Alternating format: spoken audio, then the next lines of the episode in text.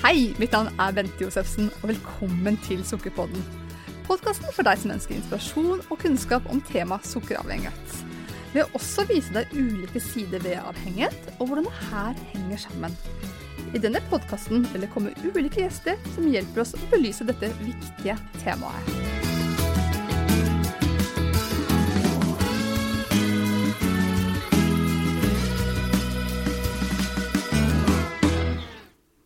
Med meg i dag så har jeg Mikael Andreassen.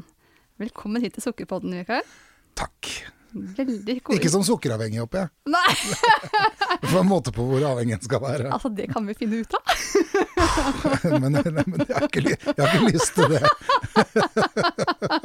Det er ikke, nei, nei, det er ikke alle avhengigheter man trenger å avdekke sånn 100% kom inn glad, gikk ut deppa. Ja, Det er veldig fint. Det er veldig bra. En slags sånn motsatt terapitime. Det er overskriftet Se og Hør. Ja, det er veldig fint. Ja. Gikk i kjelleren etter å ha vært med på Uffa meg. Nei, vi får prøve å forebygge det. Ja, det hadde vært veldig fint hvis du kunne tatt deg bryet med det. For å si litt om deg, Mikael, hvem du er. Du er jo kanskje mest kjent i utgangspunktet fra P4, har jo mange års fartstid der. Men nå er du jo Du har jo fått en helt ny tittel, det er jo danse-Mikael, ikke Ja, tusen takk. Nei, jeg kan leve med det. Jeg kan leve med det. Ja, du har jo akkurat avsluttet din eh, karriere i Skal vi danser, og du har jo vært eh, ja, en populær figur. Og i hvert fall hjemme hos oss så har vi sittet og stemt som bare det. Det er jo kjempekoselig. Bare ikke du nå sier at jeg skylder deg masse penger. Det, det, det, kan jeg ikke ta ansvar for. Eh, men det var noe av det med, som jeg synes var eh, Det er nesten rørende å tenke på. Så, så, eh, folk tar opp mobilen og bruker penger på å stemme på det. Ja. Altså, og det, og det når jeg begynte å tenke over det, så blir det, nesten, så, så blir det sånn shit. Det er ganske, det er ganske raust. Eh, om det er Og noen, altså noen stemte jo 200-300 ganger. Oi, oi, oi. Vi fikk, fikk, sånn, fikk jo mange folk som tok skjermbilde og sånn. Det er jo helt vilt. Da er de skikkelig fan, da. Ja, da blir du veldig ydmyk når du står der, og, eh, og da mener jeg det jo når jeg sier takk for at dere har stemt på oss. Men du får liksom ikke gitt noe sånn ordentlig takk, da, eh, egentlig. Annet enn å si takk og mene det. Ja. ja. men det var liksom litt sånn rart å tenke på når jeg begynte å tenke på det. At én en ting er de gratisstemmene man har, men her har liksom folk sittet og stemt til Jeg tror mamma fortsatt ikke har fortalt pappa hvor mye hun har stemt.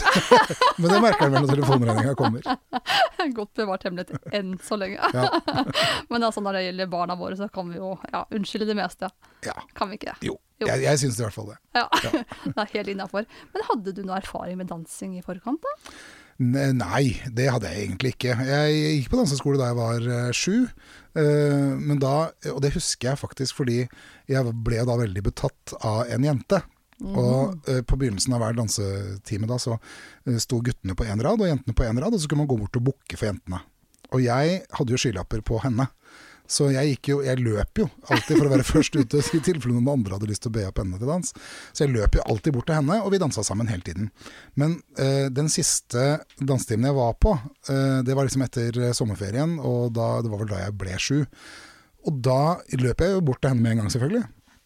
Husker jeg så godt at jeg, det, det gikk da opp for meg. Da skjønte jeg, da kjente jeg rødmen bre seg og varmen stige. Det var en som hadde booka for henne allerede. Og jeg så ikke han. Ah, ja. Og det var dritflaut. Så etter det så gikk jeg ikke tilbake. Da! Og så gikk jeg jo på Dirty Dancing-kurset da i, på Folkets hus i Drammen da Dirty Dancing var eh, hot på kino.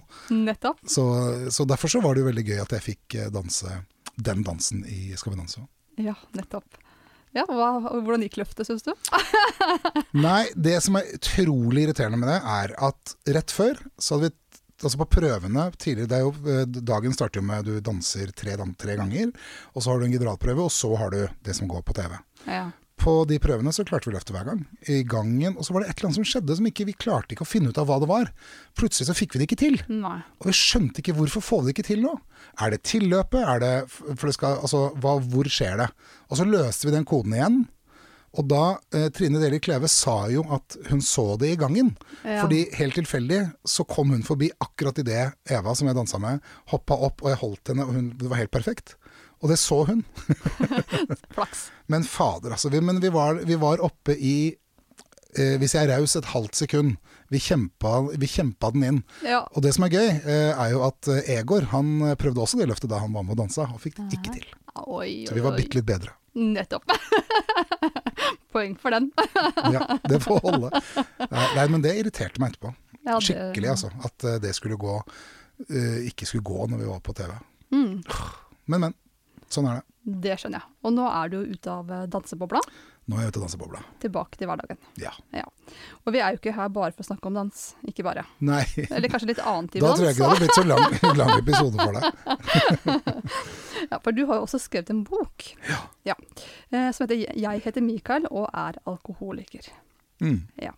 Hvilket år var det den kom ut? Var det 2016, om 2016. høsten 2016. Så det nå er det fire år siden nå, da. Ja. Faktisk. Nettopp. Ja. Og da må vi selvfølgelig inn på bakgrunnen for denne boka. For at uh, Sukkerpodden omtaler jo selvfølgelig sukkeravhengighet, men vi snakker også om avhengighet generelt. Og det her henger jo litt sammen. Ja. Ja, Vi har jo hatt en liten førprat. Men når var det du første gang eh, smakte alkohol, eh, Mikael? Da var jeg tolv. Tolv? Oh, jeg har en datter på ti år! Shit. Ja. Hell, heldigvis er det, tror jeg ikke det er vanlig. det, eh, heldigvis. Det er, jo, det, det, det, det er jo eh, undersøkelser som viser det at eh, jo tidligere man debuterer, eh, jo høyere er sjansene for at man kan utvikle et alkoholproblem seinere. Så det med å, å utsette debutalderen er faktisk ikke så veldig dumt. Nei. Eh, Men eh, for meg så var det egentlig tilfeldig. Altså, eh, jeg har kjent på sånn uro inni meg helt siden jeg var veldig liten. Eh, Noe som jeg ikke brukte mye tid på å definere da jeg var sju eller seks eller ti. Mm. Men det var der, alltid. Eh, Et mørke, kan du kalle det. En uro, en rastløshet. En, noe som, som eh, Jeg var veldig jeg var utilfreds eh, med noe som ikke jeg kunne sette fingeren på. Men eh, da jeg drakk eh, så eh, første gangen, så hadde jeg besøk av en jente på 15, så det var bare for å imponere og være tøff. Ja, det Eh, rett og slett, det var ikke verre enn det. Eh, og det jeg husker veldig godt fra det, er jo hva det ga meg. Eh, det var jo det var pappas akevitt. Det er jo forferdelig. Det smakte jo helt forferdelig vondt. Men det ga meg jo, og brennevin er jo så sterkt at det ga meg jo en umiddelbar virkning. Og den virkningen er den første rusen som brer seg i kroppen når du tar det glasset med vin ikke sant, på fredagen og kaller det å slappe av. Eh, Det er jo den første rusen som brer seg ut i kroppen. Og det er en Mm. behagelig følelse. Ja, ja. Og det ga meg jo en ro som ikke jeg Jeg definerte jo ikke det da heller, men, men som jeg tenker tilbake på at det var jo noe jeg kjente på som jeg egentlig aldri hadde kjent før. Mm. Eh, og så fikk jeg selvtillit eh, av det, selvfølgelig. Eh, Så jeg turte jo å prøve å kline med hun på 15. Oi, oi. Ja da, jeg, jeg debuterte på, på flere måter den kvelden. Vi En, po en positiv og en litt mer negativ. Jeg vet ikke om vi skal brodere det ut mer. Nei, vi trenger ikke det. Vi trenger ikke det. Altså, du velger nå selv, heretter. På eget ansvar. Ja, nei, jeg tenker at, jeg tenker at det får holde. Ja, men det, ja. Men det var første kvelden jeg drakk. Nettopp. Noen erfaringer rikere, i hvert fall. Definitivt. Ja. Ja. Og da, da kan det høres ut som du fikk det vi beskriver som sånn jomfrukick. At det er første gang hjernen kommer i kontakt med noe, og man får kanskje litt sånn aha-opplevelse. Altså, Ja, men, den, men den, det slo ikke ut på noen måte da. Det er ikke sånn at da begynte jeg å drikke i helgene, eller da begynte jeg å døyve uro med alkohol. Det, det gjorde jeg jo ikke. Det, det, eh, mamma og pappa kom jo hjem. Jeg drakk jo ganske mye av den flaska, sånn at da, da lå jeg og kasta opp. Uta. Hvor mamma først syntes eh, jo selvfølgelig synd på meg, for hun trodde jeg var syk. Jeg var jo barnevakt for lillebroren min på tre. det var det ja. Ja da, eh, men helt til pappa så akevittflaska, så skjønte han jo hvorfor jeg var sjuk. Eh, men det det, eh, det det gjorde, eh, var at jeg da, kanskje et år seinere eller noe, jeg spilte mye bandy. Eh, og det er jo en utendørsidrett. Og så hadde jeg hørt de voksne snakke om at nå skal det bli godt å få noe å varme seg på. Nei, nå skal det bli godt med Sier vi jo. ja. Eh, og da kobla jeg det med at det må være fint. Jeg skal jo være på bandybanen hele dagen. Og da stjal jeg husker jeg, vodka fra kjøleskapet til mamma og pappa. Fylte det på termosen og hadde det på bandybanen hele dagen. Ja. Og, kan huske, huske følelsen av den samme roen. da. ja. Men, men det utløste ikke noe da. Uh, for jeg, jeg dekka veldig mye av det eh, tomrom inni meg, da, for å kalle det eh, via å gjøre ting sammen med andre. Mm. Uh, og jeg drev med bandy, håndball og fotball, og det ga meg veldig, veldig mye. Da. Sånn at, uh, sånn at uh, da tenkte jeg ikke tanken på å bruke det. Altså alkohol. Nettopp. Men var det helt sporadisk du hadde med dette her på banen, eller Ja, ja, nei, det var én gang, En gang, ja, okay. da jeg var 13. Men Ja.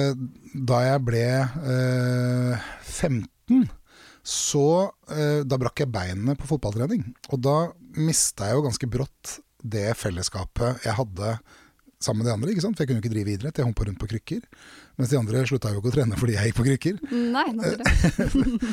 Så, så da eh, fant jeg et annet miljø. Eh, eh, gatekjøkkenet. Altså, de, jeg er fra Konnerud i Drammen, da, men det er mange som kan kjenne seg igjen at det var på det lokale gatekjøkkenet man hang. De kule gutta hadde de tøffeste mopedene.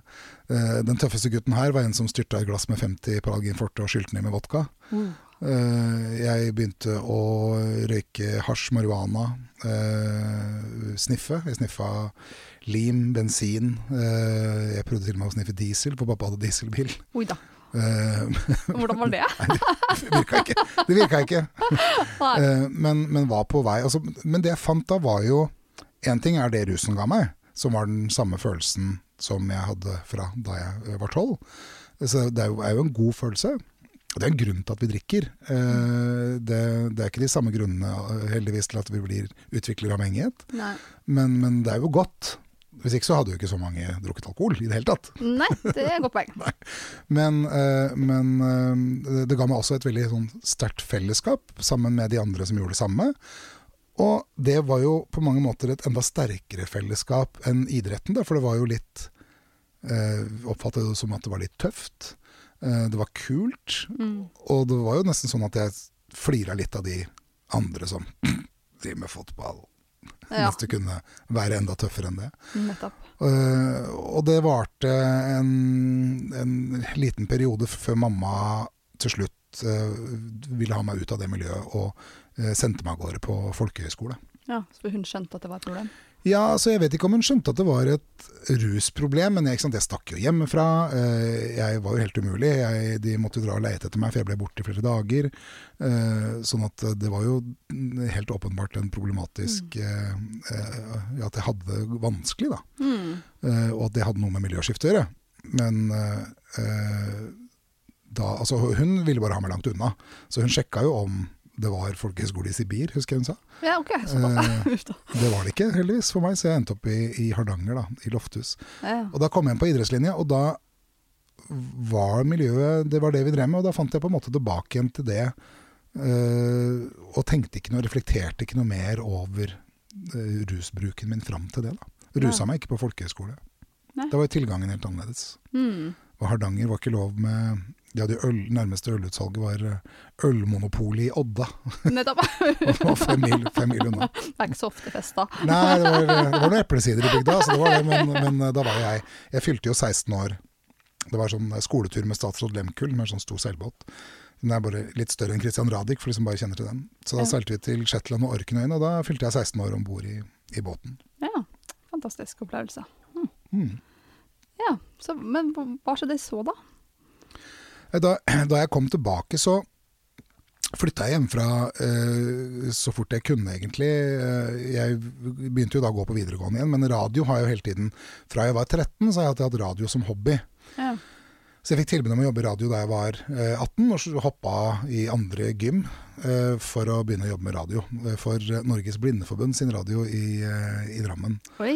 Eh, og da bodde jeg i bakgården eh, der de hadde kontorer, eh, mot at jeg eh, vaska kontorlokalene eh, en gang i uka. Fantastisk. Ja, ja.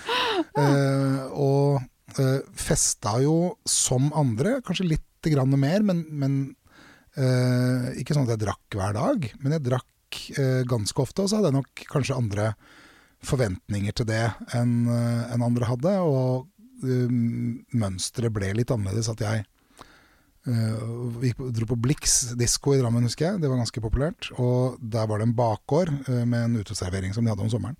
Og jeg endte veldig ofte kveldene mine liggende ganske dritings. Ofte kasta opp i bakgården, mens andre om de dro på nachspiel eller dro hjem. da. Ja, topp. Eh, Sånn at jeg ble, alltid, ble nok alltid fullere enn de andre. Mm. Uh, men uh, jeg, jeg, så kom jeg uh, i, um, i militæret. Og det er en sånn, jeg har et sånn veldig nært forhold til Forsvaret, faktisk. Det, jeg gikk da befalsutdanning i militæret, og med en gang jeg liksom fikk på meg den uniformen og fikk komme inn i det fellesskapet, det, som jo var noe annet enn idretten, men likevel et fellesskap, så det, drakk jeg ikke noe mer enn de andre. og det var ikke noe jeg hadde. Da kjente jeg mye mindre på den uroen òg. Ja. Så, så der sto på en måte mitt veivalg i livet sto da jeg fikk tilbud om jobb i en annen radiostasjon i Drammen. Eh, da var det skal jeg gjøre det, eller har jeg lyst til å bli i Forsvaret? Mm. Det var liksom de to tingene det sto mellom, og da ble det radio. Ja. Så da slutta jeg. Og så var det mange år med eh, rimelig normalt liv. Jeg møtte en jente, vi fikk et barn, eh, vi flytta sammen. Men hele tiden så hadde jeg denne uroen i meg. ja. Eh, Det hadde jeg. Det var ikke noe jeg vil Altså nå er jo angst subjektivt, eh, så, men Absolutt. for meg så opplevdes det ikke som det. Men en uro, en utilfredshet, da. Eh, mm, Men det altså Jeg begynte jo å jobbe i P4 i 1996. Ja. eh, Og flytta til Lillehammer i 1998. Da, da Nå er jeg da blitt eh, 26. Nei, 26, ja. Jo, eh, da jeg flytta til Lillehammer. Jeg var 24 da jeg begynte i P4. ja. Og da jeg flytta til Lillehammer, så var det et miljø Altså, det er jo en Da var jo P4 en veldig ung bedrift. Mm. Eh, Vi starta jo i 93. Nettopp. Ja. Og med, jeg tror snittalderen var 24 eller noe sånt. Ja, så det var veldig mange unge mennesker som jobba der. Og eh, vi hadde bakgrunn veldig mange fra lokalradio. Og brant jo ekstremt for radio. Altså, Ja. det, det, var, det var nok hobbyen òg til samtlige av de som jobba der. Og hadde et veldig sterkt fellesskap. Eh, vi bodde jo da, måtte jo flytte til Lillehammer, så vi bodde jo et sted hvor vi ikke var fra. Mm. Kjente jo ingen der fra før, så vi var sammen si fem kvelder i uka. Da Ja. Da tar jeg ikke i. Nei. Eh, og det vi gjorde da, var å spille Trivial Pursuit eh, og drikke. og gå på brenneriet. Ja. Det var det første spørsmålet jeg fikk da jeg kom til Lillehammer, var eh, Hei, velkommen til oss, har du fått VIP-kortet ditt på brenneriet? så, så, og, og det var jo litt av den kulturen det var i P4 også da. Eh, eh, det var mye alkohol. Det var lagt til rette for at vi slapp å betale så mye for det òg. Det føltes jo nesten ut som om det lå et P4-kort i alle barene i hele byen. ja. Eh, Sponsa, faktisk. Men det var nesten stort sett alltid med en sjef som betalte. Eh, og mm, da drakk jeg jo ganske mye. Ja. Men når, ingen, når alle de andre rundt meg også gjorde det samme, så tenkte jo ikke jeg noe at jeg var annerledes. Nei, det er klart. Eh, og etter hvert så flytta mm, programledere Begynte å flytte ned til Oslo, etablere seg. Uh, kall, si, si de har hatt det som har vært en slags utagerende studietid, da. Som, som sikkert mange kan kjenne seg igjen i. Parodie. Uh, og uh, jeg ble da igjen på Lillehammer som den siste programlederen på dagtid. Ja. Uh, og det jeg gjorde da, var å bytte miljø. Da ble jeg kjent med flere fra Lillehammer. Jeg begynte å jobbe på uh, brenneriet ved siden av at jeg hadde midt i trafikken på P4. For jeg likte veldig godt å jobbe i bar. Eh, Jøss. så da begynte jeg på brenneriet, og der uh, drakk vi også ganske ofte. Uh, Ja. Bare drikke Dagen var litt annerledes, bare. Vi måtte stenge, stenge utestedet først, og så begynne å drikke. Ja. Så da drakk jeg jo fortsatt like ofte. Og Mm. fortsatt så gjorde jo alle andre rundt meg akkurat det samme. Eh, Så fortsatt så var det ikke noe grunn til å undre seg noe over det. Nei, nei. Men det begynte liksom å melde seg noen konsekvenser i form av at eh, jeg begynte å prioritere annerledes på eh, økonomi. Mm. Det skapte igjen angst, eh, og jeg begynte å få sånn konvoluttangst, eh, sånn vinduskonvoluttangst. Og eh, jeg begynte liksom å kjenne på noen, noen konsekvenser da, av Ja. den livsførselen. Mm. Så da var det på en måte i gang, eh, uten at jeg tenkte at det var i gang. Det var beslutt med hun jeg var sammen med, jeg bodde alene i en leilighet eh, hvor det stort sett var fest. Ja.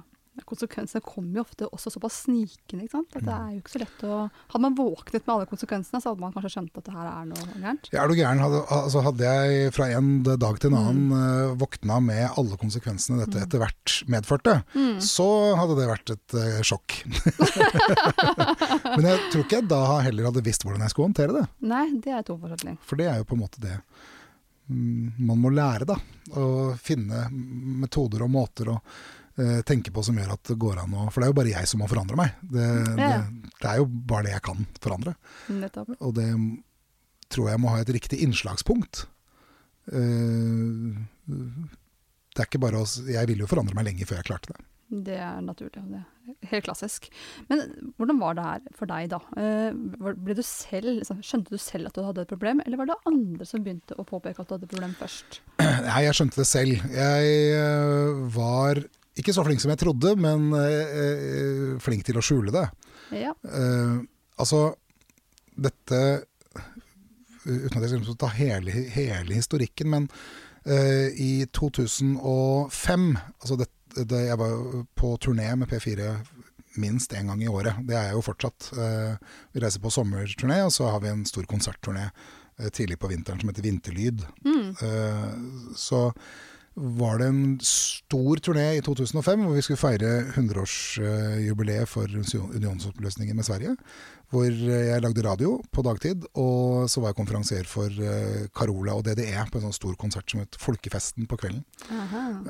Og når man er på turné, så er det jo langt uh, lavere terskel for å drikke. de er på tur. Vi spiser jo ingen måltider hjemme i stua vår, vi spiser jo alle måltider ute på restaurant, fordi det er der du har, har tilgang på mat. Og du møter også andre som eh, kan ha et lignende drikkemønster som deg, da, som har vært mange ganger på turné. Sånn at hvis, og, og før jeg dro på den turneen, så hadde jeg eh, kjente jeg mye på angst, og hadde fått tak i noen Sobril. Ja. Sånn at for meg så ble det eh, en turné med drikking eh, hver dag, hvor jeg roa nervene med Sobril hele tiden. Så, og den turneen varte i to og en halv måned. Oh, okay. mm. Så det var for meg to og en halv måned med alkohol og Sobril. Så da jeg kom hjem da, så var, det, var jeg helt utslitt. Og et eh, Ikke nervevrak, men jeg hadde veldig, veldig mye angst. Og hadde fått en datter også i, i mellomtiden, eh, som da var, eh, var to. Ja. Men hun var jo ikke med på turné. Eh, men, men liksom begynte å synes selv at jeg var et veldig Jeg mestrer jo ikke livet mitt. Ikke sant? Jeg begynte å, som konsekvensen i form av mest på økonomi. Eh, kontakten med sønnen min eh, som ikke var der den burde være. Som jo var min feil. Eh, det går jo ikke an å miste kontakten med noen. Det er, noe man, det er jo en konsekvens. Hvor, hvor, forsvant den? Ja, nei, fader, altså. Vi som hadde Den, den, den har jeg ikke sett. Forsvant på storken? Ja, det, ja det, man mister jo ikke sånn.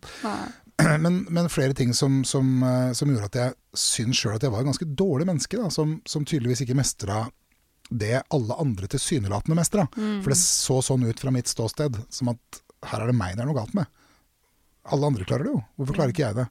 Og det ble en sånn selvforsterkende spiral, en sånn selvmedlidenhetskarusell egentlig, som jeg dro meg sjøl ned i.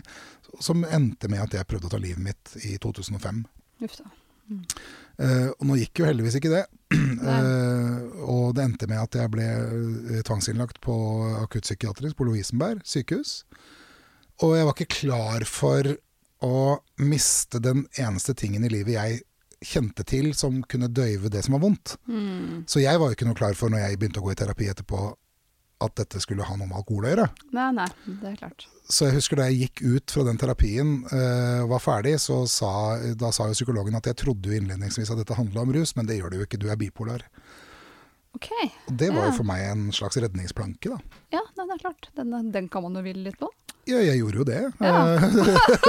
det var, nei, for det, for det blir jo en slags gavepakke. Ja, ja, ja. Eh, det kanskje ikke er et så dårlig menneske, jeg er jo syk. Ja. Og det kunne, husker jeg sjefen min fikk til å stemme. ja. Eh, jeg eh, driver med et kreativt yrke. Eh, mange bohemer eh, som, som gjør det.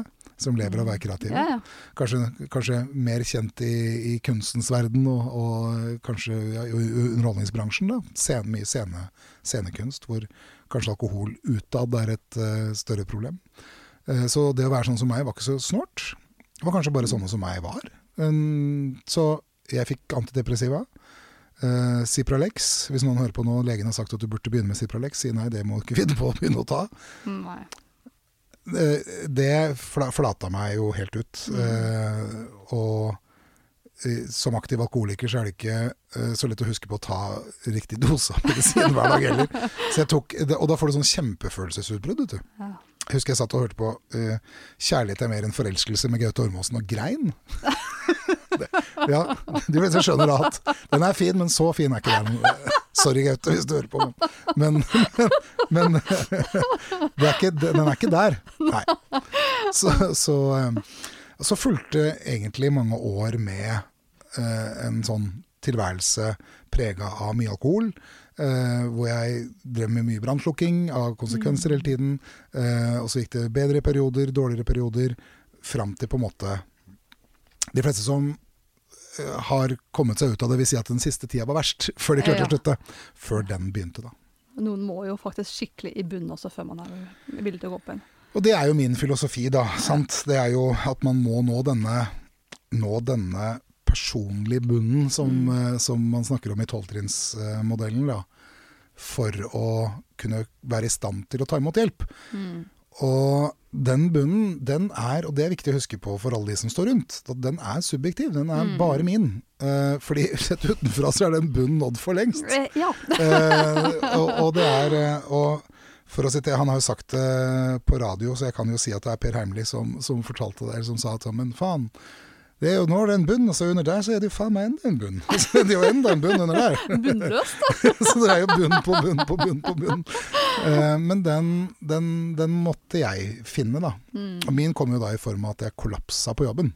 Ja. Uh, før jeg skulle ha sending, og ble henta i ambulanse og kjørt til rusakuttmottaket på Aker sykehus. Da er det på en måte åpenbart En slags bunn der? Ja, da, da, da, kom jeg til min. Det var, det, skulle, det var jo mye som skjedde før det, men, mm. men, men, det var den siste dråpen som fikk meg, da jeg våkna opp der, til å Vet du hva, er, jeg skjønner at jeg, har er, jeg, jeg er alkoholiker. Det er greit. Ja. Det er greit. Eh, jeg trenger hjelp. Eh, vis meg verktøykassa. Eh, mm. Hvordan jeg skal klare det. For jeg hadde prøvd å slutte mange, mange ganger. Det er jo typ, typisk. at det har jo alle med avhengigheter. Har jo mange på kjøpet av seg slutta. Mm. Og kunsten er kanskje ikke å slutte, men å fortsette, da. Ja, og, og slutte. og ikke begynne igjen. Nettopp det. Ja.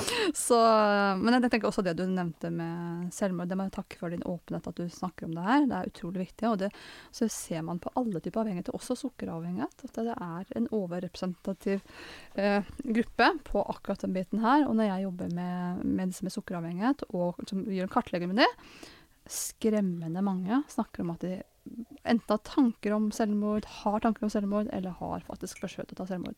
Så det er innvendige døden all type avhengighet fører til, da. Mm. det er alvorlig, og det må man må faktisk ta på alvor. Absolutt. Og det er jo Jeg kom jo til den konklusjonen at verden er et bedre sted uten meg. At mm. uh, barna mine Altså, det er bedre om jeg er borte, for det er i hvert fall noe konstant. Mm. Uh, det er forutsigbart når noen er borte. Eh, for det er det jo. Eh, og at det var best. Eh, men, men, også, så, så, men, samtidig, sånn for, for min del, altså så, og jeg vet mange, Jeg kjenner jo mange alkoholikere, andre, som, som, som dette, dette, kjenner alle igjen. Mm. Uh, og, og, det er ekstremt mange, om ikke, om ikke alle selvfølgelig, men uh, veldig, veldig mange har vært der. Hvor man da enten har prøvd eller tenkt at det er lurt. Mm. Uh, det er den beste løsningen, da. Mm. Som det jo ikke er. Ikke jeg er jo overlykkelig for at det gikk dårlig. Uh, fordi jeg har jo funnet ut at jeg går an å få det bra og ha et eh, 100 milliarder ganger bedre liv enn jeg hadde. Uh, ved å gjøre noe med rusen og gjøre noe med problemet i stedet. Mm. Men det er det å klare å se at det skal kunne være mulig, da. Når du har prøvd så mange ganger. ikke sant? Mm. Og jeg har prøvd og prøvd og prøvd. og prøvd. Jeg klarer jo ikke å la være. Nei. Nei, men fader heller. Da går det jo ikke, da. Men det er jo da å forhåpentligvis finne riktig type hjelp, da. Mm. Og anerkjenne hva det handler om. Det er ikke flaut. Ikke det, er, det syns jeg var kjempeflaut. Skamma mm. meg skikkelig. Ja. Det er masse skam knyttet til all avhengighet. Ja, selvfølgelig. I hvert fall når du tenker at sett utenfra så er dette noe du åpenbart burde mestre. Mm. Uh, og da blir det veldig vondt og vanskelig.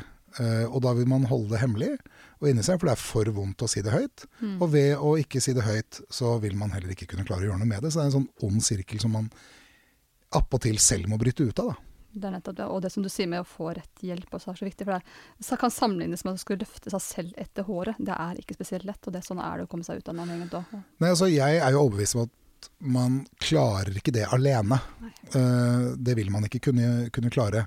Uh, men så er det det med, med, riktig type hjelp, og at vi snakker også høyt om det.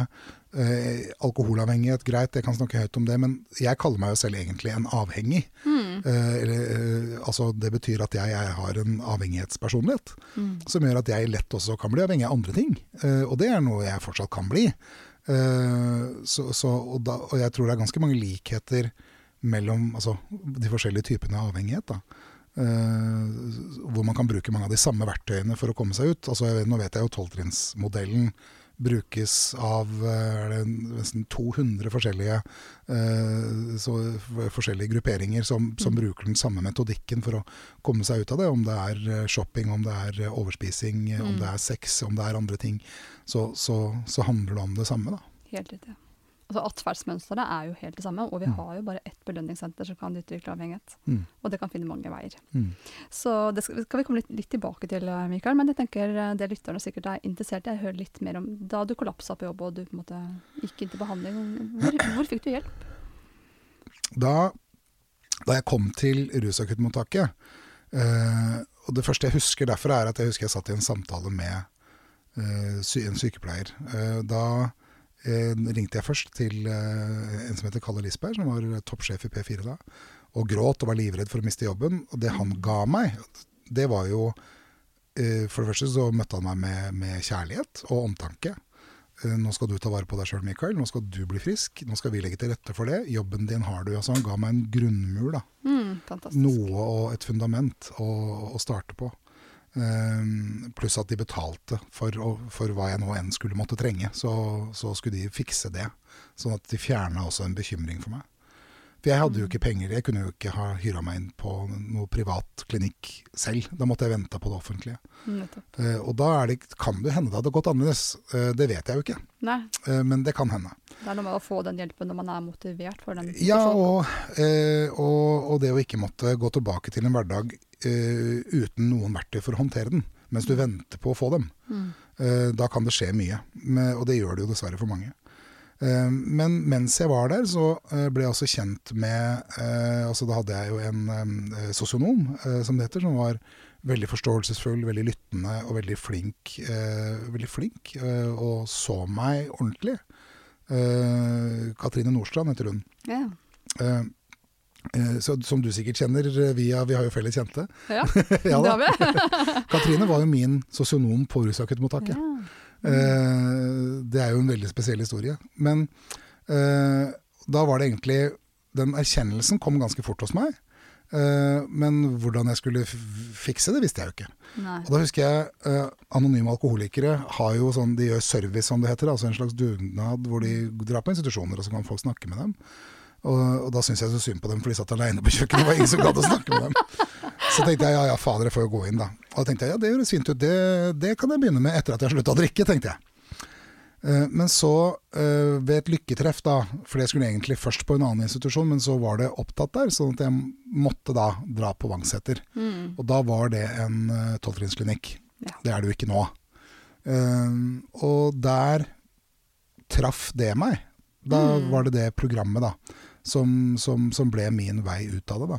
Mitt første, jeg, jeg har jo da gått mest i NA, Ja. som er det samme som AA nesten. Det er da anonyme narkomane i stedet for anonyme alkoholikere. Eh, Men det er ganske likt. Mm.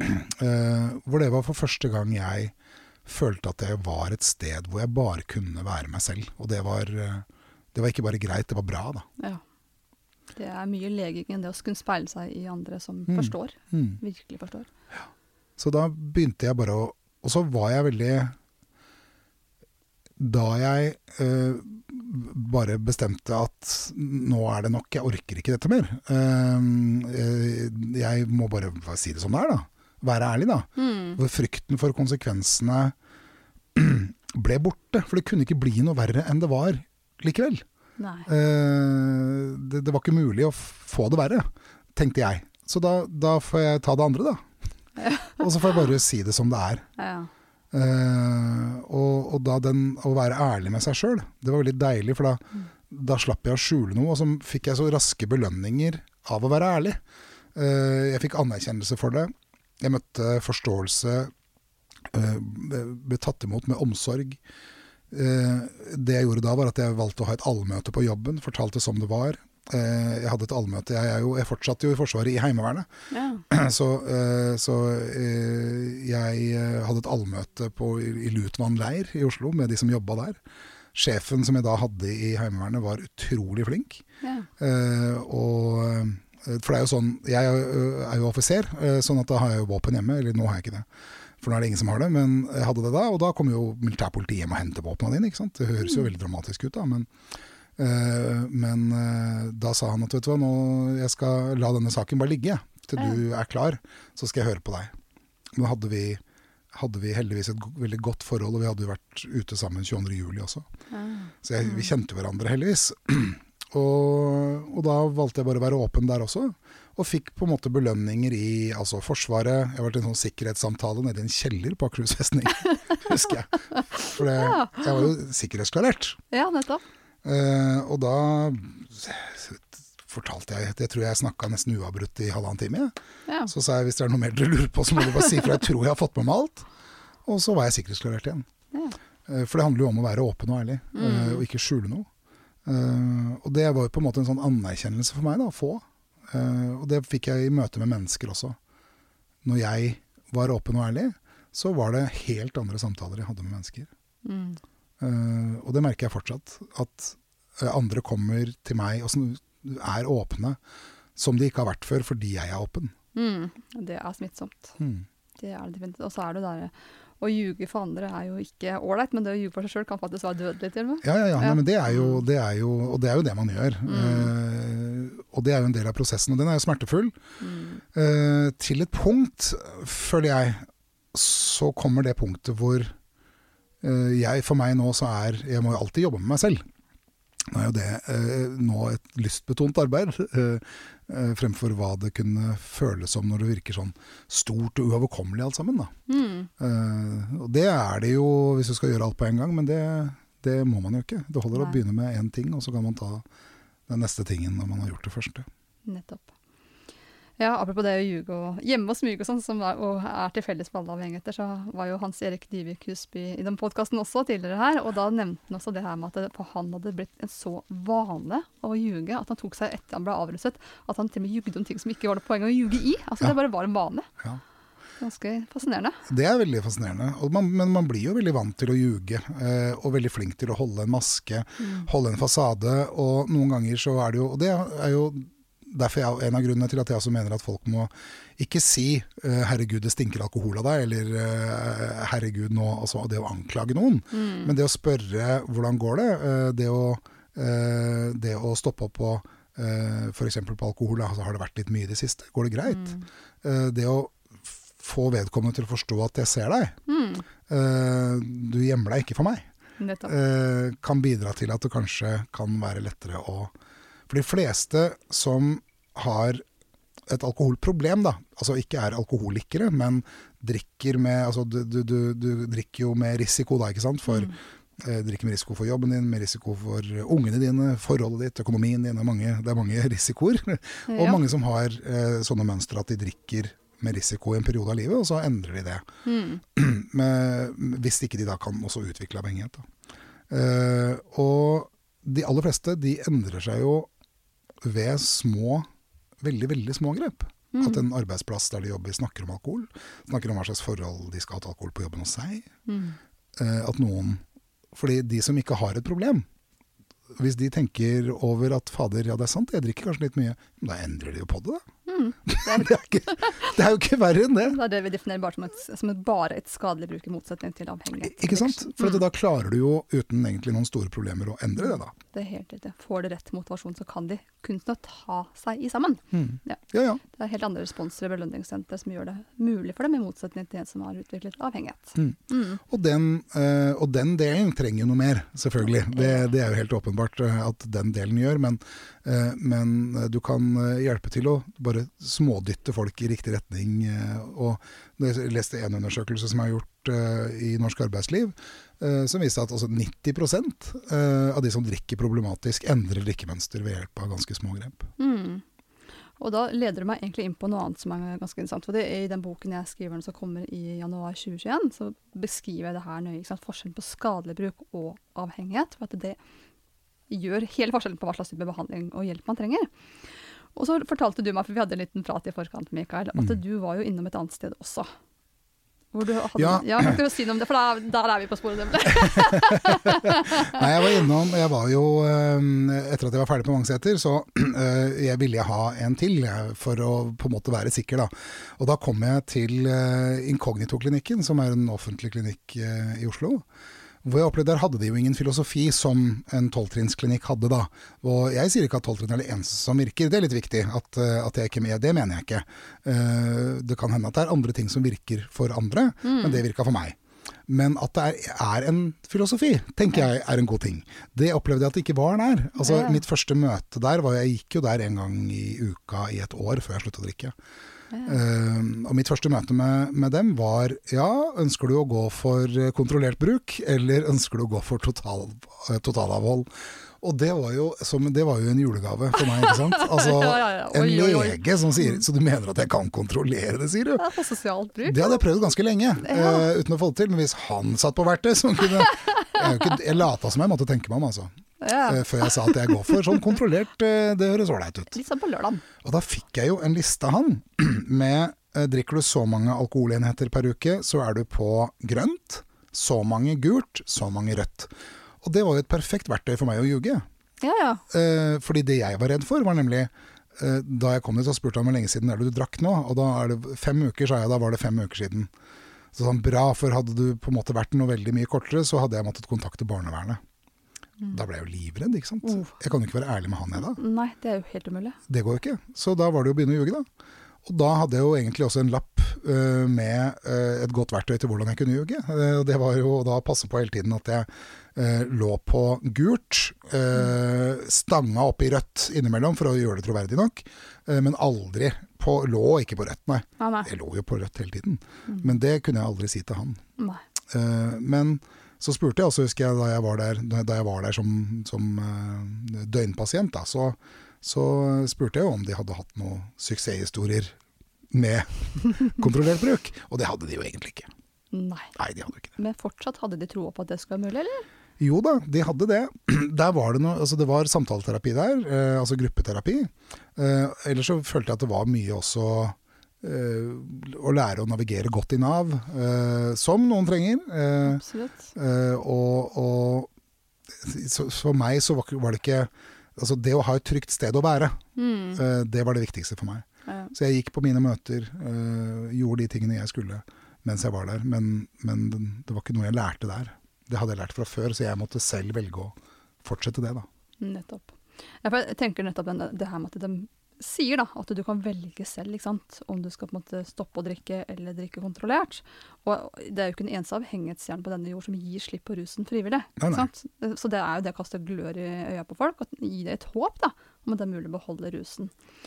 Men det som fascinerer meg, er jo at man ikke på en måte kartlegger hvem er som faktisk har en avhengighet og ikke. For det, det fins jo faktisk diagnoseverktøy for avhengighet. Altså det, eh, det er jo selvfølgelig det første man bør gjøre, er jo å av, prøve å finne ut av om det er snakk om eh, en avhengighet, eller om det er noen som eh, er inne i en periode med skadelig bruk. Da. Fordi eh, hvis du er inne i en periode med skadelig bruk, så vil du jo kunne gå tilbake til et såkalt normalt drikkemønster, Nettopp. Det er det man vil kalle det. Eh, mens det for meg ikke var mulig. Men det kunne jo ikke de vite. Vi hadde noen diskusjoner på at eh, for, for han, da husker jeg, så handla det også litt om å skape tillit eh, i et pasient Altså i et forhold til meg. Selv om man kanskje egentlig ikke mente at det ville kunne gå, så, så, så, så var det en måte å, å starte på. Så ville man kunne endre det underveis. Men, men for meg så var det, var det da jeg kom tilbake og det var liksom helt klinkende klart at jeg var, jeg var alkoholiker, så, så, så, så var det, fikk jeg jo ikke det spørsmålet igjen. Men da hadde jeg jo vært på Vangseter også Nettopp. i noen uker først. Mm. Men, Men selvfølgelig, hvis man har verktøy for å finne ut av det, Ja. da burde det jo egentlig være enkelt. Og det finnes, men dessverre det brukes det ikke nødvendigvis på alle institusjoner. Og det overrasker meg stort, da. Den beste institusjonen jeg har hørt om, er jo de som hadde øvingsbar i kjelleren. Det syns jeg, var- bra. Det var, det, var, det, var, eh, det var for å lære seg til å drikke normalt. Oh. Det tror ikke den eksisterer lenger. jeg håper ikke det. Uff a meg. Ja, nei. Hva, hva skal man si? Øvingspar. Ja, nettopp. Det er ja, som å ha litt godteri liggende til sukkeravhengig. Sånn. Så du får én sjokolade, eller én hvetebolle. Altså, det fascinerende her er at da har man ikke fått skjønt liksom, det helt grunnleggende som gjelder avhengighet. For hadde det vært mulig, så hadde vi gjort det. Hadde ikke du tatt en øl på en lørdag, Mikael, hvis det var mulig? Jo da, er du gæren. Og, eh, uten at jeg går rundt og savner det, heldigvis. Ja, ja. Så, så er jo det den, eh, Det er jo ideelt, det, hvis man kan bruke Det er derfor jeg ikke mener at vi skal bli en avholdsnasjon. Det mener jeg ikke. Nei. Eh, så jeg mener ikke at vi skal fjerne alkohol. Eh, men, men eh, eh, fordi folk må få lov å kunne kose seg med det, hvis de har lyst til det. Mm. Så lenge, man, så lenge det er det man klarer. Men jeg mener at eh, Jeg skjønner ikke at det er engang skaper debatt eh, at eh, man, vi voksne drikker alkohol sammen med barn. Det klarer jeg ikke å forstå. Mm. Eh, Jeg klarer ikke å forstå argumentene for at voksnes rett til å ruse seg skal være tyngre enn barns behov for trygghet. For det er det det handler om. Det kan du si. Kun det. Ja. Vi vet at barn ikke liker at voksne endrer seg. That's it. Og den endringen den skjer langt før du sjøl registrerer at det er en endring. Altså det, og all definisjonsmakt og alt ligger hos oss. Alt ligger hos oss voksne. Barn er bare prisgitt det vi velger. Selv med eh, selv når eh, dagen etterpå, vi skal liksom, eh, hvordan var kvelden i går, så er det vår definisjon av den kvelden som gjelder, også for barna. Hvis jeg hadde det gøy, hvis jeg hadde det hyggelig når vi drakk, så var det det for unga òg, da. Ingen som spør dem. Og hvis vi spør dem, og de sier at «Eh, 'det syns du var litt rar i går, mamma', ja, men så var jeg så rar, da? Da har vi behov for å korrigere. Ja, ja. Nei, men jeg var jo bare glad. ja. Det var jo bare koselig. I Syden så fikk du jo 20 euro ekstra. Ikke sant? Vi, vi tar, vil, på en eller annen grunn ønsker ikke å ta inn over oss hvordan barns oppfatning av det egentlig er. da. Mm. Fornektelsen er stor. Mm. Mm. Og altså, hvorfor er et barns opplevelse på en måte mindre verdt enn din egen opplevelse? Mm. Det er et viktig tema. Virkelig. Nei, det er mye kulturelt rundt alkohol. Jeg tenker også dette på arbeidsplasser, hvordan mange kan oppleve så drikkepress ikke på julebord og firmaturer. Og Altså, dette er det også gjort, gjort masse undersøkelser på det òg. og det er jo eh, eh, Nå husker jeg ikke nøyaktig de tallene, men det var en eh, veldig eh, morsom i gåsetegn eh, undersøkelse som viste at eh, så og så mange eh, Har du 100 ansatte, da, så har du eh, seks stykker som eh, opplever uh, uønska seksuell oppmerksomhet fra en full kollega. mm. Har du lyst til, har du lyst til det? Eh, Ti av de hundre de kommer ikke på festen. Fordi at de har ikke lyst til å være på den festen fordi det drikkes alkohol der. Mm. Er det en pris som er ålreit å betale? Fire eh, 4 tror jeg det var, eh, fire stykker, da, som Nei, de, de, eh, de får juling på festen. Er det noe du altså? Det, det er en del ting som følger med, men som vi, når vi ikke snakker ordentlig om det, da, Mm. uh, så tar vi det ikke med. Tar det ikke med. Og vi merker jo ikke at de ti som aldri kommer, de er bare kjedelige, de. Nettopp det. Mm. Festbremsen. Fordi vi ønsker at det skal være sånn som det er, da. Mm. Pakker det inn i at vi må jo kunne kose oss og ha det gøy. Det er vanskelig å finne gode alternativ, ikke sant. Fader, eller hva skal vi finne på hvis ikke vi skal ha lønningspils? da? Skal vi sitte og flette kurver da, eller? Nei, men altså, det er jo sånn, hva pokker mener du at vi skal drive med? Hva skal vi gjøre for noe sammen? Hva, hva tuller du med meg, liksom? Og hvis, hvis noen skal få belønning på jobben og ikke kan få champagne, hva pokk skal vi få konfekt da, liksom? Nei, ikke det heller, skjønner du. Nei, da tar jeg bort. Nei, da tar du bort den. Nei, nå, men hos oss har vi faktisk begynt med Nå kan folk velge eh, om de vil ha champagne eller flakslodd. Og da er det kanskje overraskende mange som velger flakslodd. Ja, Så den rødvinen eh, var kanskje ikke den ultimate gaven likevel. nettopp. Derfor hadde det vært gøy hvis vi- to da arrangerte fest. Ikke alkohol, ikke sjokolade. Da er det makramé-kveld, liksom. Det, det, det, det, det, ja, men det er det alle andre tenker da. Altså, Hvordan i verden skal det mulig å ha det gøy? ja det virker jo helt Og det, og det ser du under korona nå også. Det er jo ramaskrik fordi vi mister en arena der vi tradisjonelt sett ruser oss ganske mye. Mm.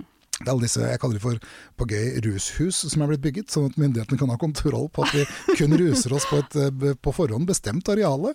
Og der inne der setter de på noen blinkende lys og spiller veldig høy musikk så vi skal trives enda bedre. Det er morsomt, det høres ut som rotter som går inn. Og, der, og vi får ikke lov til å drikke så mye, vi kan ikke ruse oss så mye vi vil.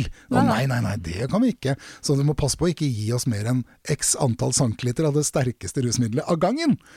Selv der inne er det regulert.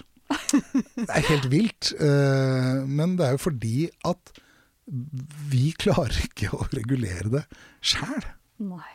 Noen må gjøre det for oss. noen må gjøre det for oss. Sikkert ikke så hiver vi Grandisen i ommen når vi kommer hjem, sovner, og så våkner vi at brannvesenet eh, dunker på for at eh, leiligheten din har tatt fyr. Nettopp. Apropos konsekvenser. Ja. Se på, les, les eh, hvis man eh, klikker på alle politiopsene, operasjonssentralene rundt i Norge, og så setter du deg ned med en god kopp eh, kaffe på søndag morgen, og så leser du hva de har drevet med i helga. Gjør det én søndag. Så ser du hva norsk politi må drive med, hvor mye det koster oss, eller koster dem, i løpet av en helg. Hva vi driver, hva, hvordan vi oppfører oss. Så veldig spesielt. Det er en medaljes bakside på Ja, og dette har jeg selvfølgelig ikke reflektert noe over før jeg slutta å drikke. Nei, jeg sier ikke at du skal slutte med det heller, men vi, vi er noen versjoner av oss sjøl som vi veldig ofte ikke engang sjøl ønsker å identifisere oss med dagen etter. Mm. Hvor mange syns det er gøy hvis jeg blir med, hvis jeg blir med på byen? Så filmer jeg alt, og så skal vi se den sammen dagen etter. Hvor mange har lyst til å se den videoen? Nei, kanskje ikke så mange. Kjenner det litt i magen allerede. Sa jeg det? Gjorde jeg det? Å, shit! Å nei, jeg vil ikke se! Alle kjenner seg igjen i det! Ja, nettopp det. Det er sånn, rekke opp hånda alle i dette rommet her som aldri har våkna opp med noen ikke de burde våkne opp med. Ja. Sant? Det er ikke mange hender i været her heller. Vi tar ikke en håndsått engang. Nei, det er nesten litt sånn, det er nesten litt vondt å tenke på. Det er sånn Å nei, nå fikk jeg noen minner, det vil jeg ikke. Så lar vi være å forholde oss, og så gjør vi det samme helga etter. Ja, nettopp det. Det er nydelig. Ja, vakkert. Eh, Men en annen, ting jeg syns er litt interessant, det er den- denne sosiale forventning og press til å være med på kall det si festen. For du som da er avruset fra alkohol. Blir det respektert at du avstår fra alkohol, eller får du en forventningspress til å delta noen ganger? Du, jeg, det er, jeg har bare opplevd eh, faktisk forståelse og respekt. eh, og uh, jo seinere det blir, beundring for, at jeg, for at jeg har klart det. Men, nei, men vet du hva, det, og det, men det tror jeg er fordi at jeg har jo verdens beste unnskyldning. Jeg er jo alkoholiker, og jeg sier jo det. Ja. Eh, og nå har jeg vært så åpen og i det offentlige med det så lenge, og at veldig mange vet det. Ja. Uh, men, men det er det ingen som noen gang har på en måte pusha på. Det har jeg aldri opplevd. Uh, det jeg opplever er nysgjerrighet uh, rundt det Skal du aldri, kan du aldri, kan du virkelig aldri? Virkelig, virkelig aldri. Mener du, skal du ikke? Én, liksom? Nå har det vel gått så lang tid at nå kan du vel. Eh, men det handler bare om, om at man kanskje ikke helt forstår hva det handler om.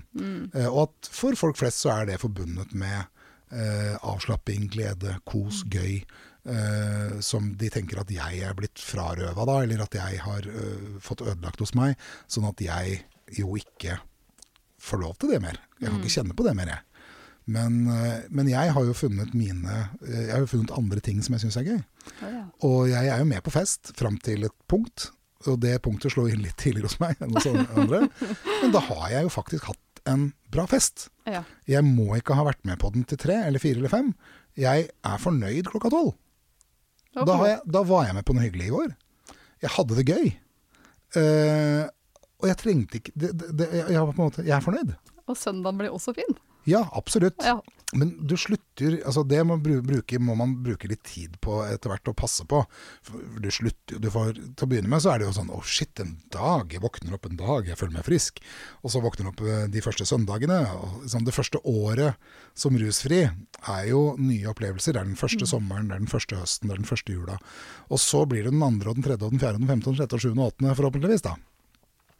Da må man stoppe opp og velge å sette pris på det. Hvis ikke så blir jo det er jo det som er vanlig. Det som er vanlig for meg, er jo ikke drikke.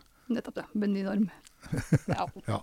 Godt poeng. Det, det, det som er interessant med akkurat det her å bli respektert for de grensene man setter, sant? at det er nødvendig å faktisk korke den flaska for godt. At dette her opplever de som har en sukkeravhengighet på en helt annen måte. Ja, men det kan jeg nok oppleve. Eller jeg forestiller meg. Ja, og for dette, det er jo ikke bare sosialt akseptert at man spiser sukker, men faktisk forventet også. Og der er, det er jo ikke den kunnskapen i samfunnet om at dette her er samme sak. Nei, men, men øh, det er det nok ikke. Eh, og øh, nå er det jo ikke alle sukkeravhengige som er overvektige, eh, Nei, men, men, men f.eks. ved overvekt, da, så møter man, møter man nok den ja, men da må du bare spise mindre, da. Og slutte å spise det. Mm. Som jeg burde da ha kunnet møte. Ja, men bare slutt å drikke mindre, da. Slutt å drikke, da. Fantastisk. Eh, ikke sant? Eh, og så, er det, så, så, så blir det skamfullt. Eh, og så blir, det, så blir det vondt og vanskelig å gjøre noe med. Eh, og konsekvensene er jo helt andre. Mens, eh, mens man kan også ha veldig mange like konsekvenser, så er det, eh, så er det sånn som Selv om det tar lang tid å komme til det bunnpunktet jeg var, så, så vil det jo gå veldig fort nå. Eh, ja. Hvis du hadde bydd på en pils nå og jeg hadde sagt ja, så hadde, jeg nok, hadde nok den bakken vært brattere nå. Mm. Uh, mens uh, mens med, med, med, med sukker så, uh, så pådrar man seg jo fort noen sykdommer, kanskje. Som, eh, som eh, kanskje tar litt Tidsforløpet er litt annerledes, da. Det kan, det, altså det kan det være, og, men det er jo faktisk både barn og ungdom som sliter virkelig og blir skikkelig deprimerte, får angst, problemer med søvn, konsentrasjon, detter ut av skolen. Så for alle tar det ikke lang tid, men, men no, det kan, kan jo ta noe lengre tid. Og de, de ytre konsekvensene kan jo se litt annerledes ut, Liksom, for man havner jo ikke i fyllearresten. Det er ikke noe su sukkerfyllearresten, den finnes jo ikke. Men det, man har jo ikke det. og, det, og da tenker jeg heldigvis Det er, det er litt kjipt å ha vært i, i sukkerarresten hvor du har spist fire skillingsboller, liksom. Det gikk litt bananas med den siste muffinen. Ja, men det som er til felles, er jo den, den, at man mister kontrollen. ikke sant? Mm. At man vil jo gjerne kunne spise bare litt, eller drikke bare litt.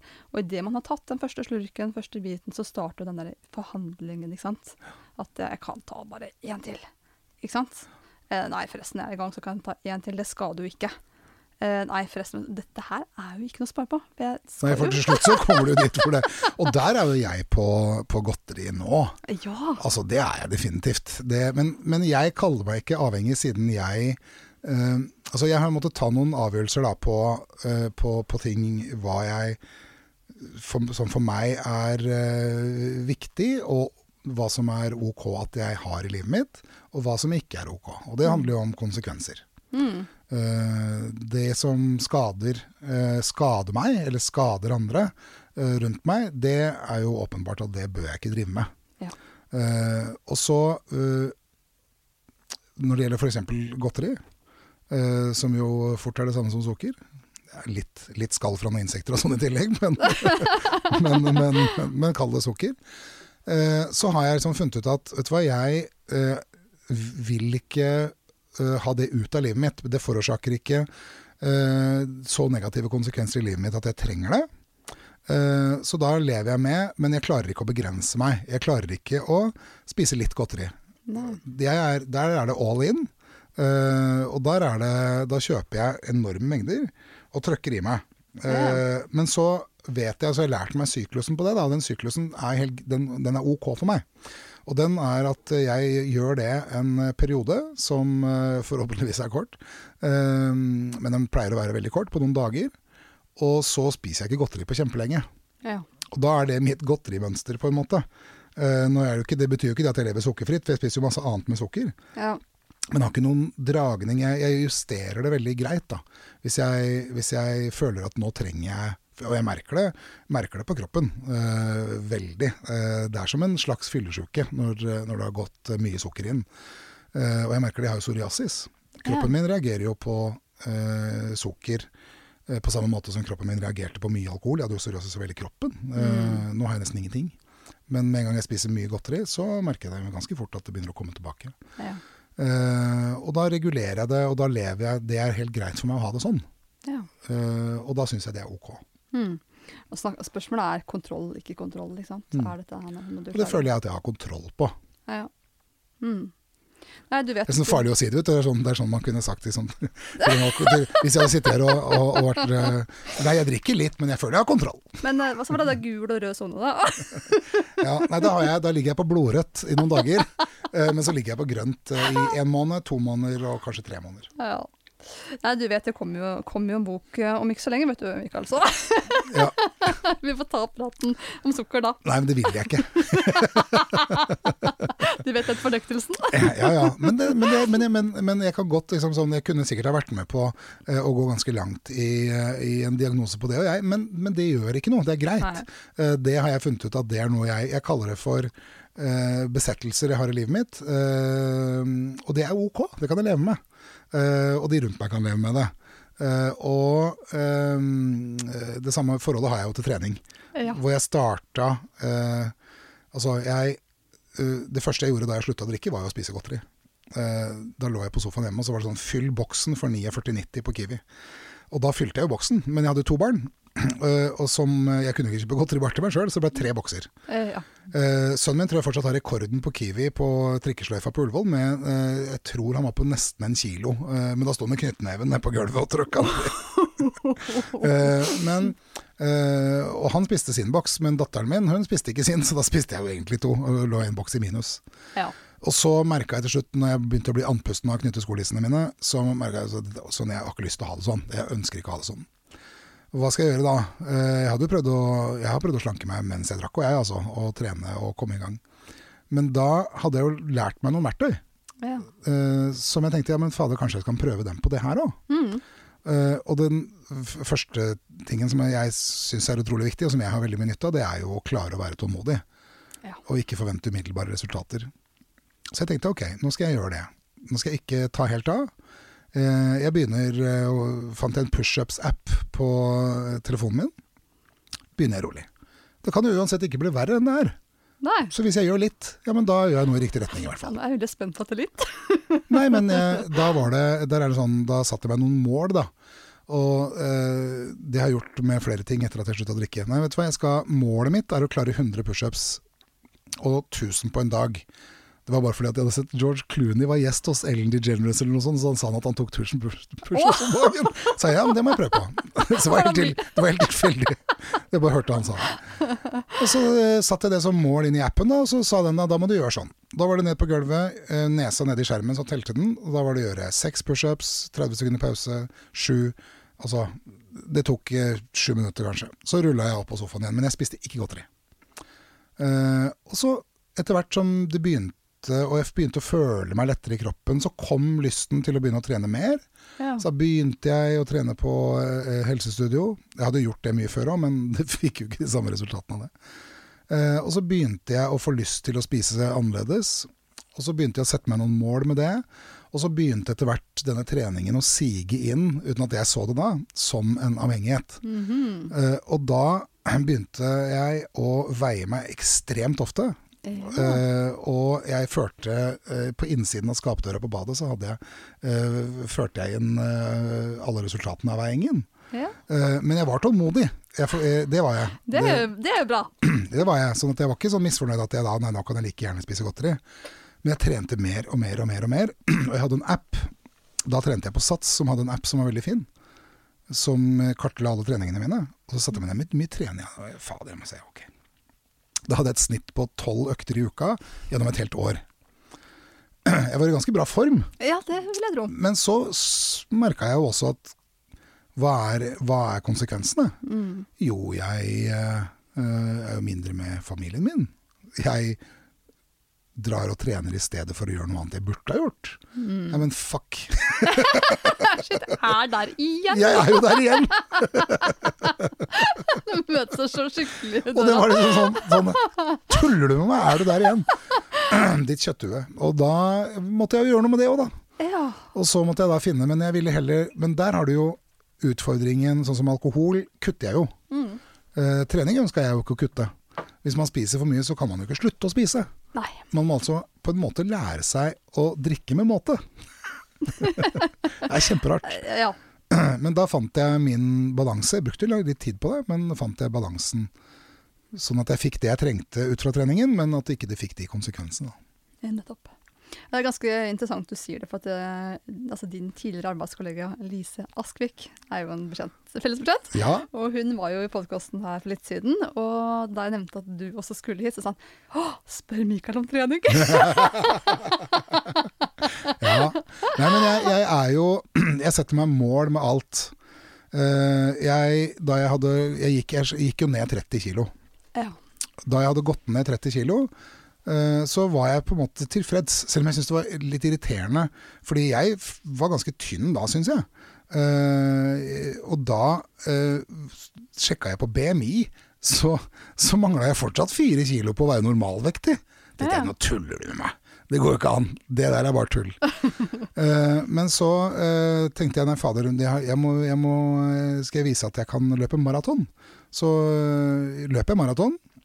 Eh, det var vondt som F, men eh, det var viktig for meg å vise at det går an hvis man vil. Det ble, som, ble viktig for meg å vise at jeg, kan, eh, jeg får til ting hvis jeg virkelig vil det. Mm. Eh, og jeg hadde to løpeturer på forhånd, en på åtte kilometer og en på én mil. Ja. Etter det så løp jeg maraton. Eh, og så med treningen så begynte jeg liksom sånn, ok, men for at jeg skal ha eh, en grunn til å drive med dette, så trenger jeg et mål. Ja, men jeg har lyst til, så da satte jeg meg et mål at jeg vil være med i en øh, konkurranse. Eh, Målet mitt er å stå på en scene uten at folk lurer på hvorfor pokker jeg er der. Ja. Altså Ikke noe mål om å vinne, men det skal være greit at jeg er der. var på en måte målet mitt da. Ja. Og eh, trente i, i, i noen år for å, for å legge på meg muskler. Spiste jo, da la jeg om kostholdet mitt, for det må du jo. Altså Kosthold betyr så ekstremt mye når det gjelder eh, å bygge muskler. Mm, absolutt. At jeg spiste jo tre middager om dagen. eh, og eh, en god dose havregrøt til frokost, og trøkka i meg mye mat. Men så merka jeg at i den fasen hvor du skal ta av deg fett, inn i konkurranse, det som kalles for å deffe, Yes. hvor du skal ned i en fettprosent helst på under seks, kanskje fem, så kom jeg ned Jeg var nede i om jeg var nede i åtte og en halv eller ni. Mm. Eh, så gikk det så mye utover psyken at det kom med noen konsekvenser som ikke jeg var forberedt på. Uh, at jeg var litt humørsyk, og at det var så ekstremt fokus på bare meg. Mm. Og da begynte det å få konsekvenser i forhold til er jeg, å være pappa og ha en kreativt yrke. Uh, og da stoppa jeg. For da tenkte jeg at disse konsekvensene er ikke jeg villig til å leve med. Mm. Så da stoppa jeg. Men så tenkte jeg at ok, nå har jeg gjort det én gang, og jeg kom dit. Eh, nå har jeg de erfaringene jeg har. Kanskje jeg, hvis jeg er forberedt på det, klarer det. Og prøvde en gang til, Ja. men merka de samme konsekvensene. Og da endra jeg målet mitt. ja, så flott. Da tenkte jeg at nei, men da kan jeg jo ikke det, da. Nei. Så jeg nådde jo ikke det målet. Men, eh, men det gjør ikke noe. Kanskje noen må greie å, greie å ikke noe også. Absolutt. Ja. Eh, Det, det gjør ingenting. Hvis man merker underveis at det koster, mm, koster for mye, Mm. eller, eller at det koster ting du ikke var forberedt på eller villig til å forsake, da skal man endre målet sitt. Mm. Eh, Og da tenkte jeg men da skal jeg ikke drive med dette lenger. Eh, Men å trene, det ønsker jeg. Ja. Eh, Så da måtte jeg finne noe annet, en annen måte å trene på. Og da f- fant jeg ved en tilfeldighet eh, Muay Thai, altså thaiboksing. ja. tenkte jeg, det er fint. Balanse, smidighet. Jeg kan være mye mindre. Eh, nei, men Det passer meg bra, så da begynte jeg med det stedet. Og det driver jeg med fortsatt. ja. Og der også har jeg jo noen mål, da selvfølgelig, men nå har det vært en veldig spesiell tid som gjør det vanskelig. Og, så det er bare det er utsatt en del ting, da. Nettopp. Men, men det gir meg mye, og det gir meg mer fellesskap. Eh, jeg får venner gjennom det. Så det gir meg mer enn bare den fysiske treningen. Mm. Så bra. Og det er jo det der med altså Det gir jo en balanse i både kropp og sjel. Mm. At når man får en kroppslig balansen, så får man det faktisk også mentalt. Mm. Men det er jeg da, når, når Nå er det ikke sånn, fordi det er ikke en, en normal situasjon pga. korona. Men si normalt at jeg trener i snitt nå, si fem dager i uka. da. Ja. Uh, gjerne seks, men da er det med en lørdagsøkt der at vi møtes en Vi er noen som møtes, og det er uh, like mye en sosial happening som en treningsaktivitet. da. Nettopp. Mm. Vet du hva, sitte og prate med deg, Mikael, det er jo ikke noe problem. Å invitere Jeg skravler jo bare, jeg skravler jo bare, så du får bare si ifra. Du må bare stoppe meg. Vi kan ta sånn der del to, tre, fire. Så, men det er ikke helt ferdig, i Dagfinn, så du kan roe ned den. Du tenker du er teknikeren og bøller med oss. Ja da, det er greit med litt bølling. Ja, ikke sant. Bøllinga må være lov. Fordi det jeg har lyst til at vi kommer innom før vi avrunder sånn skikkelig, da. Fordi du nevnte noe litt sånn festlig for meg da vi hadde denne førpraten vår, og det var et visst hotell på Karl Johan. Syns det Ja. var litt søt historie. Ja, det var jo litt øh, øh, Fordi da jeg var på institusjon, så skjønte jo jeg òg at det er jo ikke dette som er livet. Ja. Nå skal jeg eh, opparbeide meg nok eh, kunnskap og verktøy til å være i stand til å håndtere livet. Og det var noen som også sa til meg ganske tidlig at du må huske at når du kommer ut av institusjon, så er det ingenting som har forandra seg. Mm. Det eneste som forhåpentligvis har forandra seg, er deg. Og da visste jo ikke jeg hvordan jeg ville reagere på å bli utsatt for eh, rus, eh, altså alkohol rundt meg. Jeg visste jo ikke det. Jeg visste ikke hvordan jeg ville håndtere hverdagen min, for det hadde jeg jo ingen erfaring med. Nei. Så da eh, leide jeg et hotellrom på Karl Johan fra lørdag til søndag, og med den tanken at jeg skulle vente med å gå ut tolv, og så skulle jeg gå opp Karl Johan. Ja. Og så skulle jeg kjenne på hva gjør det med meg. Og samtidig gi meg selv muligheten til å sprekke uten å bli tatt. Hvordan håndterer jeg det? Ja. Uh, vil jeg håndtere at jeg nå kan drikke og late som jeg ikke drakk når jeg kommer tilbake igjen? ja. Uh, det er nok kanskje ikke den smarteste måten å gjøre det på, men, men jeg gjorde nå det, da. Og det var egentlig første gang jeg fikk den aha-opplevelsen, hvordan jeg da så på oss. Med disse rushus som jeg var innom i stad. Hvordan vi samles Jeg gikk forbi Scotsman. Hvordan vi samles for å ruse oss på den måten vi gjør da, på utesteder. Det slo meg som en utrolig pussig ting. ja. Så rare vi er, tenkte jeg. Har jeg drevet med det? Og kunne aldri den, det, Og det er jo flaks. Kunne aldri falle meg inn å gå inn der og kjøpe en øl. Det var, som, det var noe som Så rart det er. ja. Hvorfor driver vi med det her, da? Så begynte jeg i stedet å filosofere over det, eh, og lage meg noen morsomme bilder. Og, og gikk tilbake og la meg på rommet og var ganske happy med det. da, Veldig tilfreds. Og så gjorde jeg én ting til, og da det var å Ok, men hva med å forandre settingen, da? Eh, det jeg drar på konsert på Rockefeller, så kjenner jeg på det. Ja. Eh, og da gikk jeg, det var, ikke, det, det var ikke så veldig utagerende, da. det var, var det A1 og D-sound, så det var ikke noen sånn stor fare. Begynte rolig. Uh, og der kjente jeg jo folk da jeg kom, Ja. eh, som ikke visste at jeg var på institusjon. Som var brisende, Ja. som jo vi alle er. Og det syns jeg merka at det var en sånn situasjon som liksom Så for første gang jeg reflekterte da over at vi endrer personlighet, f.eks. Mm. Og kjente at jeg var der ganske lenge. Eh, og, eh, men kjente på det at her er alle helt annerledes enn de pleier å være. Så rart. Og begynte å kjenne på den følelsen. Og det fikk definitivt ikke lyst til å drikke. Nei. Det er min første krangel med en bartender om å ikke få alkohol. fordi fordi, fordi uh, at uh, jeg ba om å få alkoholfri øl. Det var før jeg visste hva alkoholfritt egentlig er. Mm. Uh, og jeg fikk en Carlsberg hvor det står um, Carlsberg non-alcoholic på flaskehalsen. Og så leser du bakpå, så er det jo 0,5% alkohol. Altså Alkoholfritt er jo en skatteklasse, og ikke alkoholfritt. Nettopp. Veldig Eh, Det er jo opp til 0,7% alkohol, men det visste jeg ikke da. Nei. Hvor jeg så Nei, men det er jo alkohol i den her, sa jeg til han, eh, husker jeg. Ja, men det, det, er 0, det er jo ingenting. Du kan drikke masse. Skal du kjøre bil, eller? Nei, men, men jeg ønsker ikke Jeg vil ikke ha alkohol. Så, så, og han hadde åpna flaska, så han var dritsur. Men, eh, men han mente at jeg var et ordentlig dust som ikke kunne drikke den. Det var nesten ikke alkohol. Det var nesten ikke alkohol. Nei, det er fantastisk. Men jeg tenker, for det, det typiske når man sitter fast i en avhengighet, er jo at man er jo livredd for å gjøre noe med det. Ikke sant? Fordi man tror jo at livet skal bli trist og mørkt og ikke noe skal bli gøy. Så hva har du å si hvis jeg sitter nå og hører på det her nå, som mistenker at de faktisk har et problem med alkohol? Hva er ditt beste råd? Det er jo å én fortelle det til noen. Eh, og det kan være hvem som helst. Det, det, det, det, må ikke være en bestemt type person. Uh, men det er, tenker jeg er det første, fordi da har du begynt å innrømme det ordentlig for deg selv. Det å innrømme noe er lett å si høyt, men det innebærer jo noe også. Det innebærer jo også at du tar konsekvensen av å innrømme det. Ja. Og det er ikke så lett alltid å vite hvem det skal være. Nei, men da gjør det til fastlegen din, da. Det er ikke alle fastleger dessverre som er like gode på det, eh, men det er i hvert fall et sted å begynne å komme i kontakt med om du da skulle trenge hjelp. Så er det eh, ofte det lureste stedet å begynne. Eh, det finnes eh, veldig mange samtalegrupper som jeg syns For meg betydde det veldig mye fordi at jeg møtte andre som forsto. Jeg merka med en gang at de forsto. Mm. jeg husker jeg satt eh, med min sponsor, som det heter, da, en veileder, eh, i eh, NA, og jeg husker at det var en del av arbeidet eh, innebærer jo også at du skal dele en, til, en del ting da, Mm. om deg selv, eh, som kan være veldig flaut. Og da husker jeg at jeg satt åh, kan jeg si det? Og så plutselig så sa han eh, du eh, Så sa han at han det var, Og så sa sa han det til meg.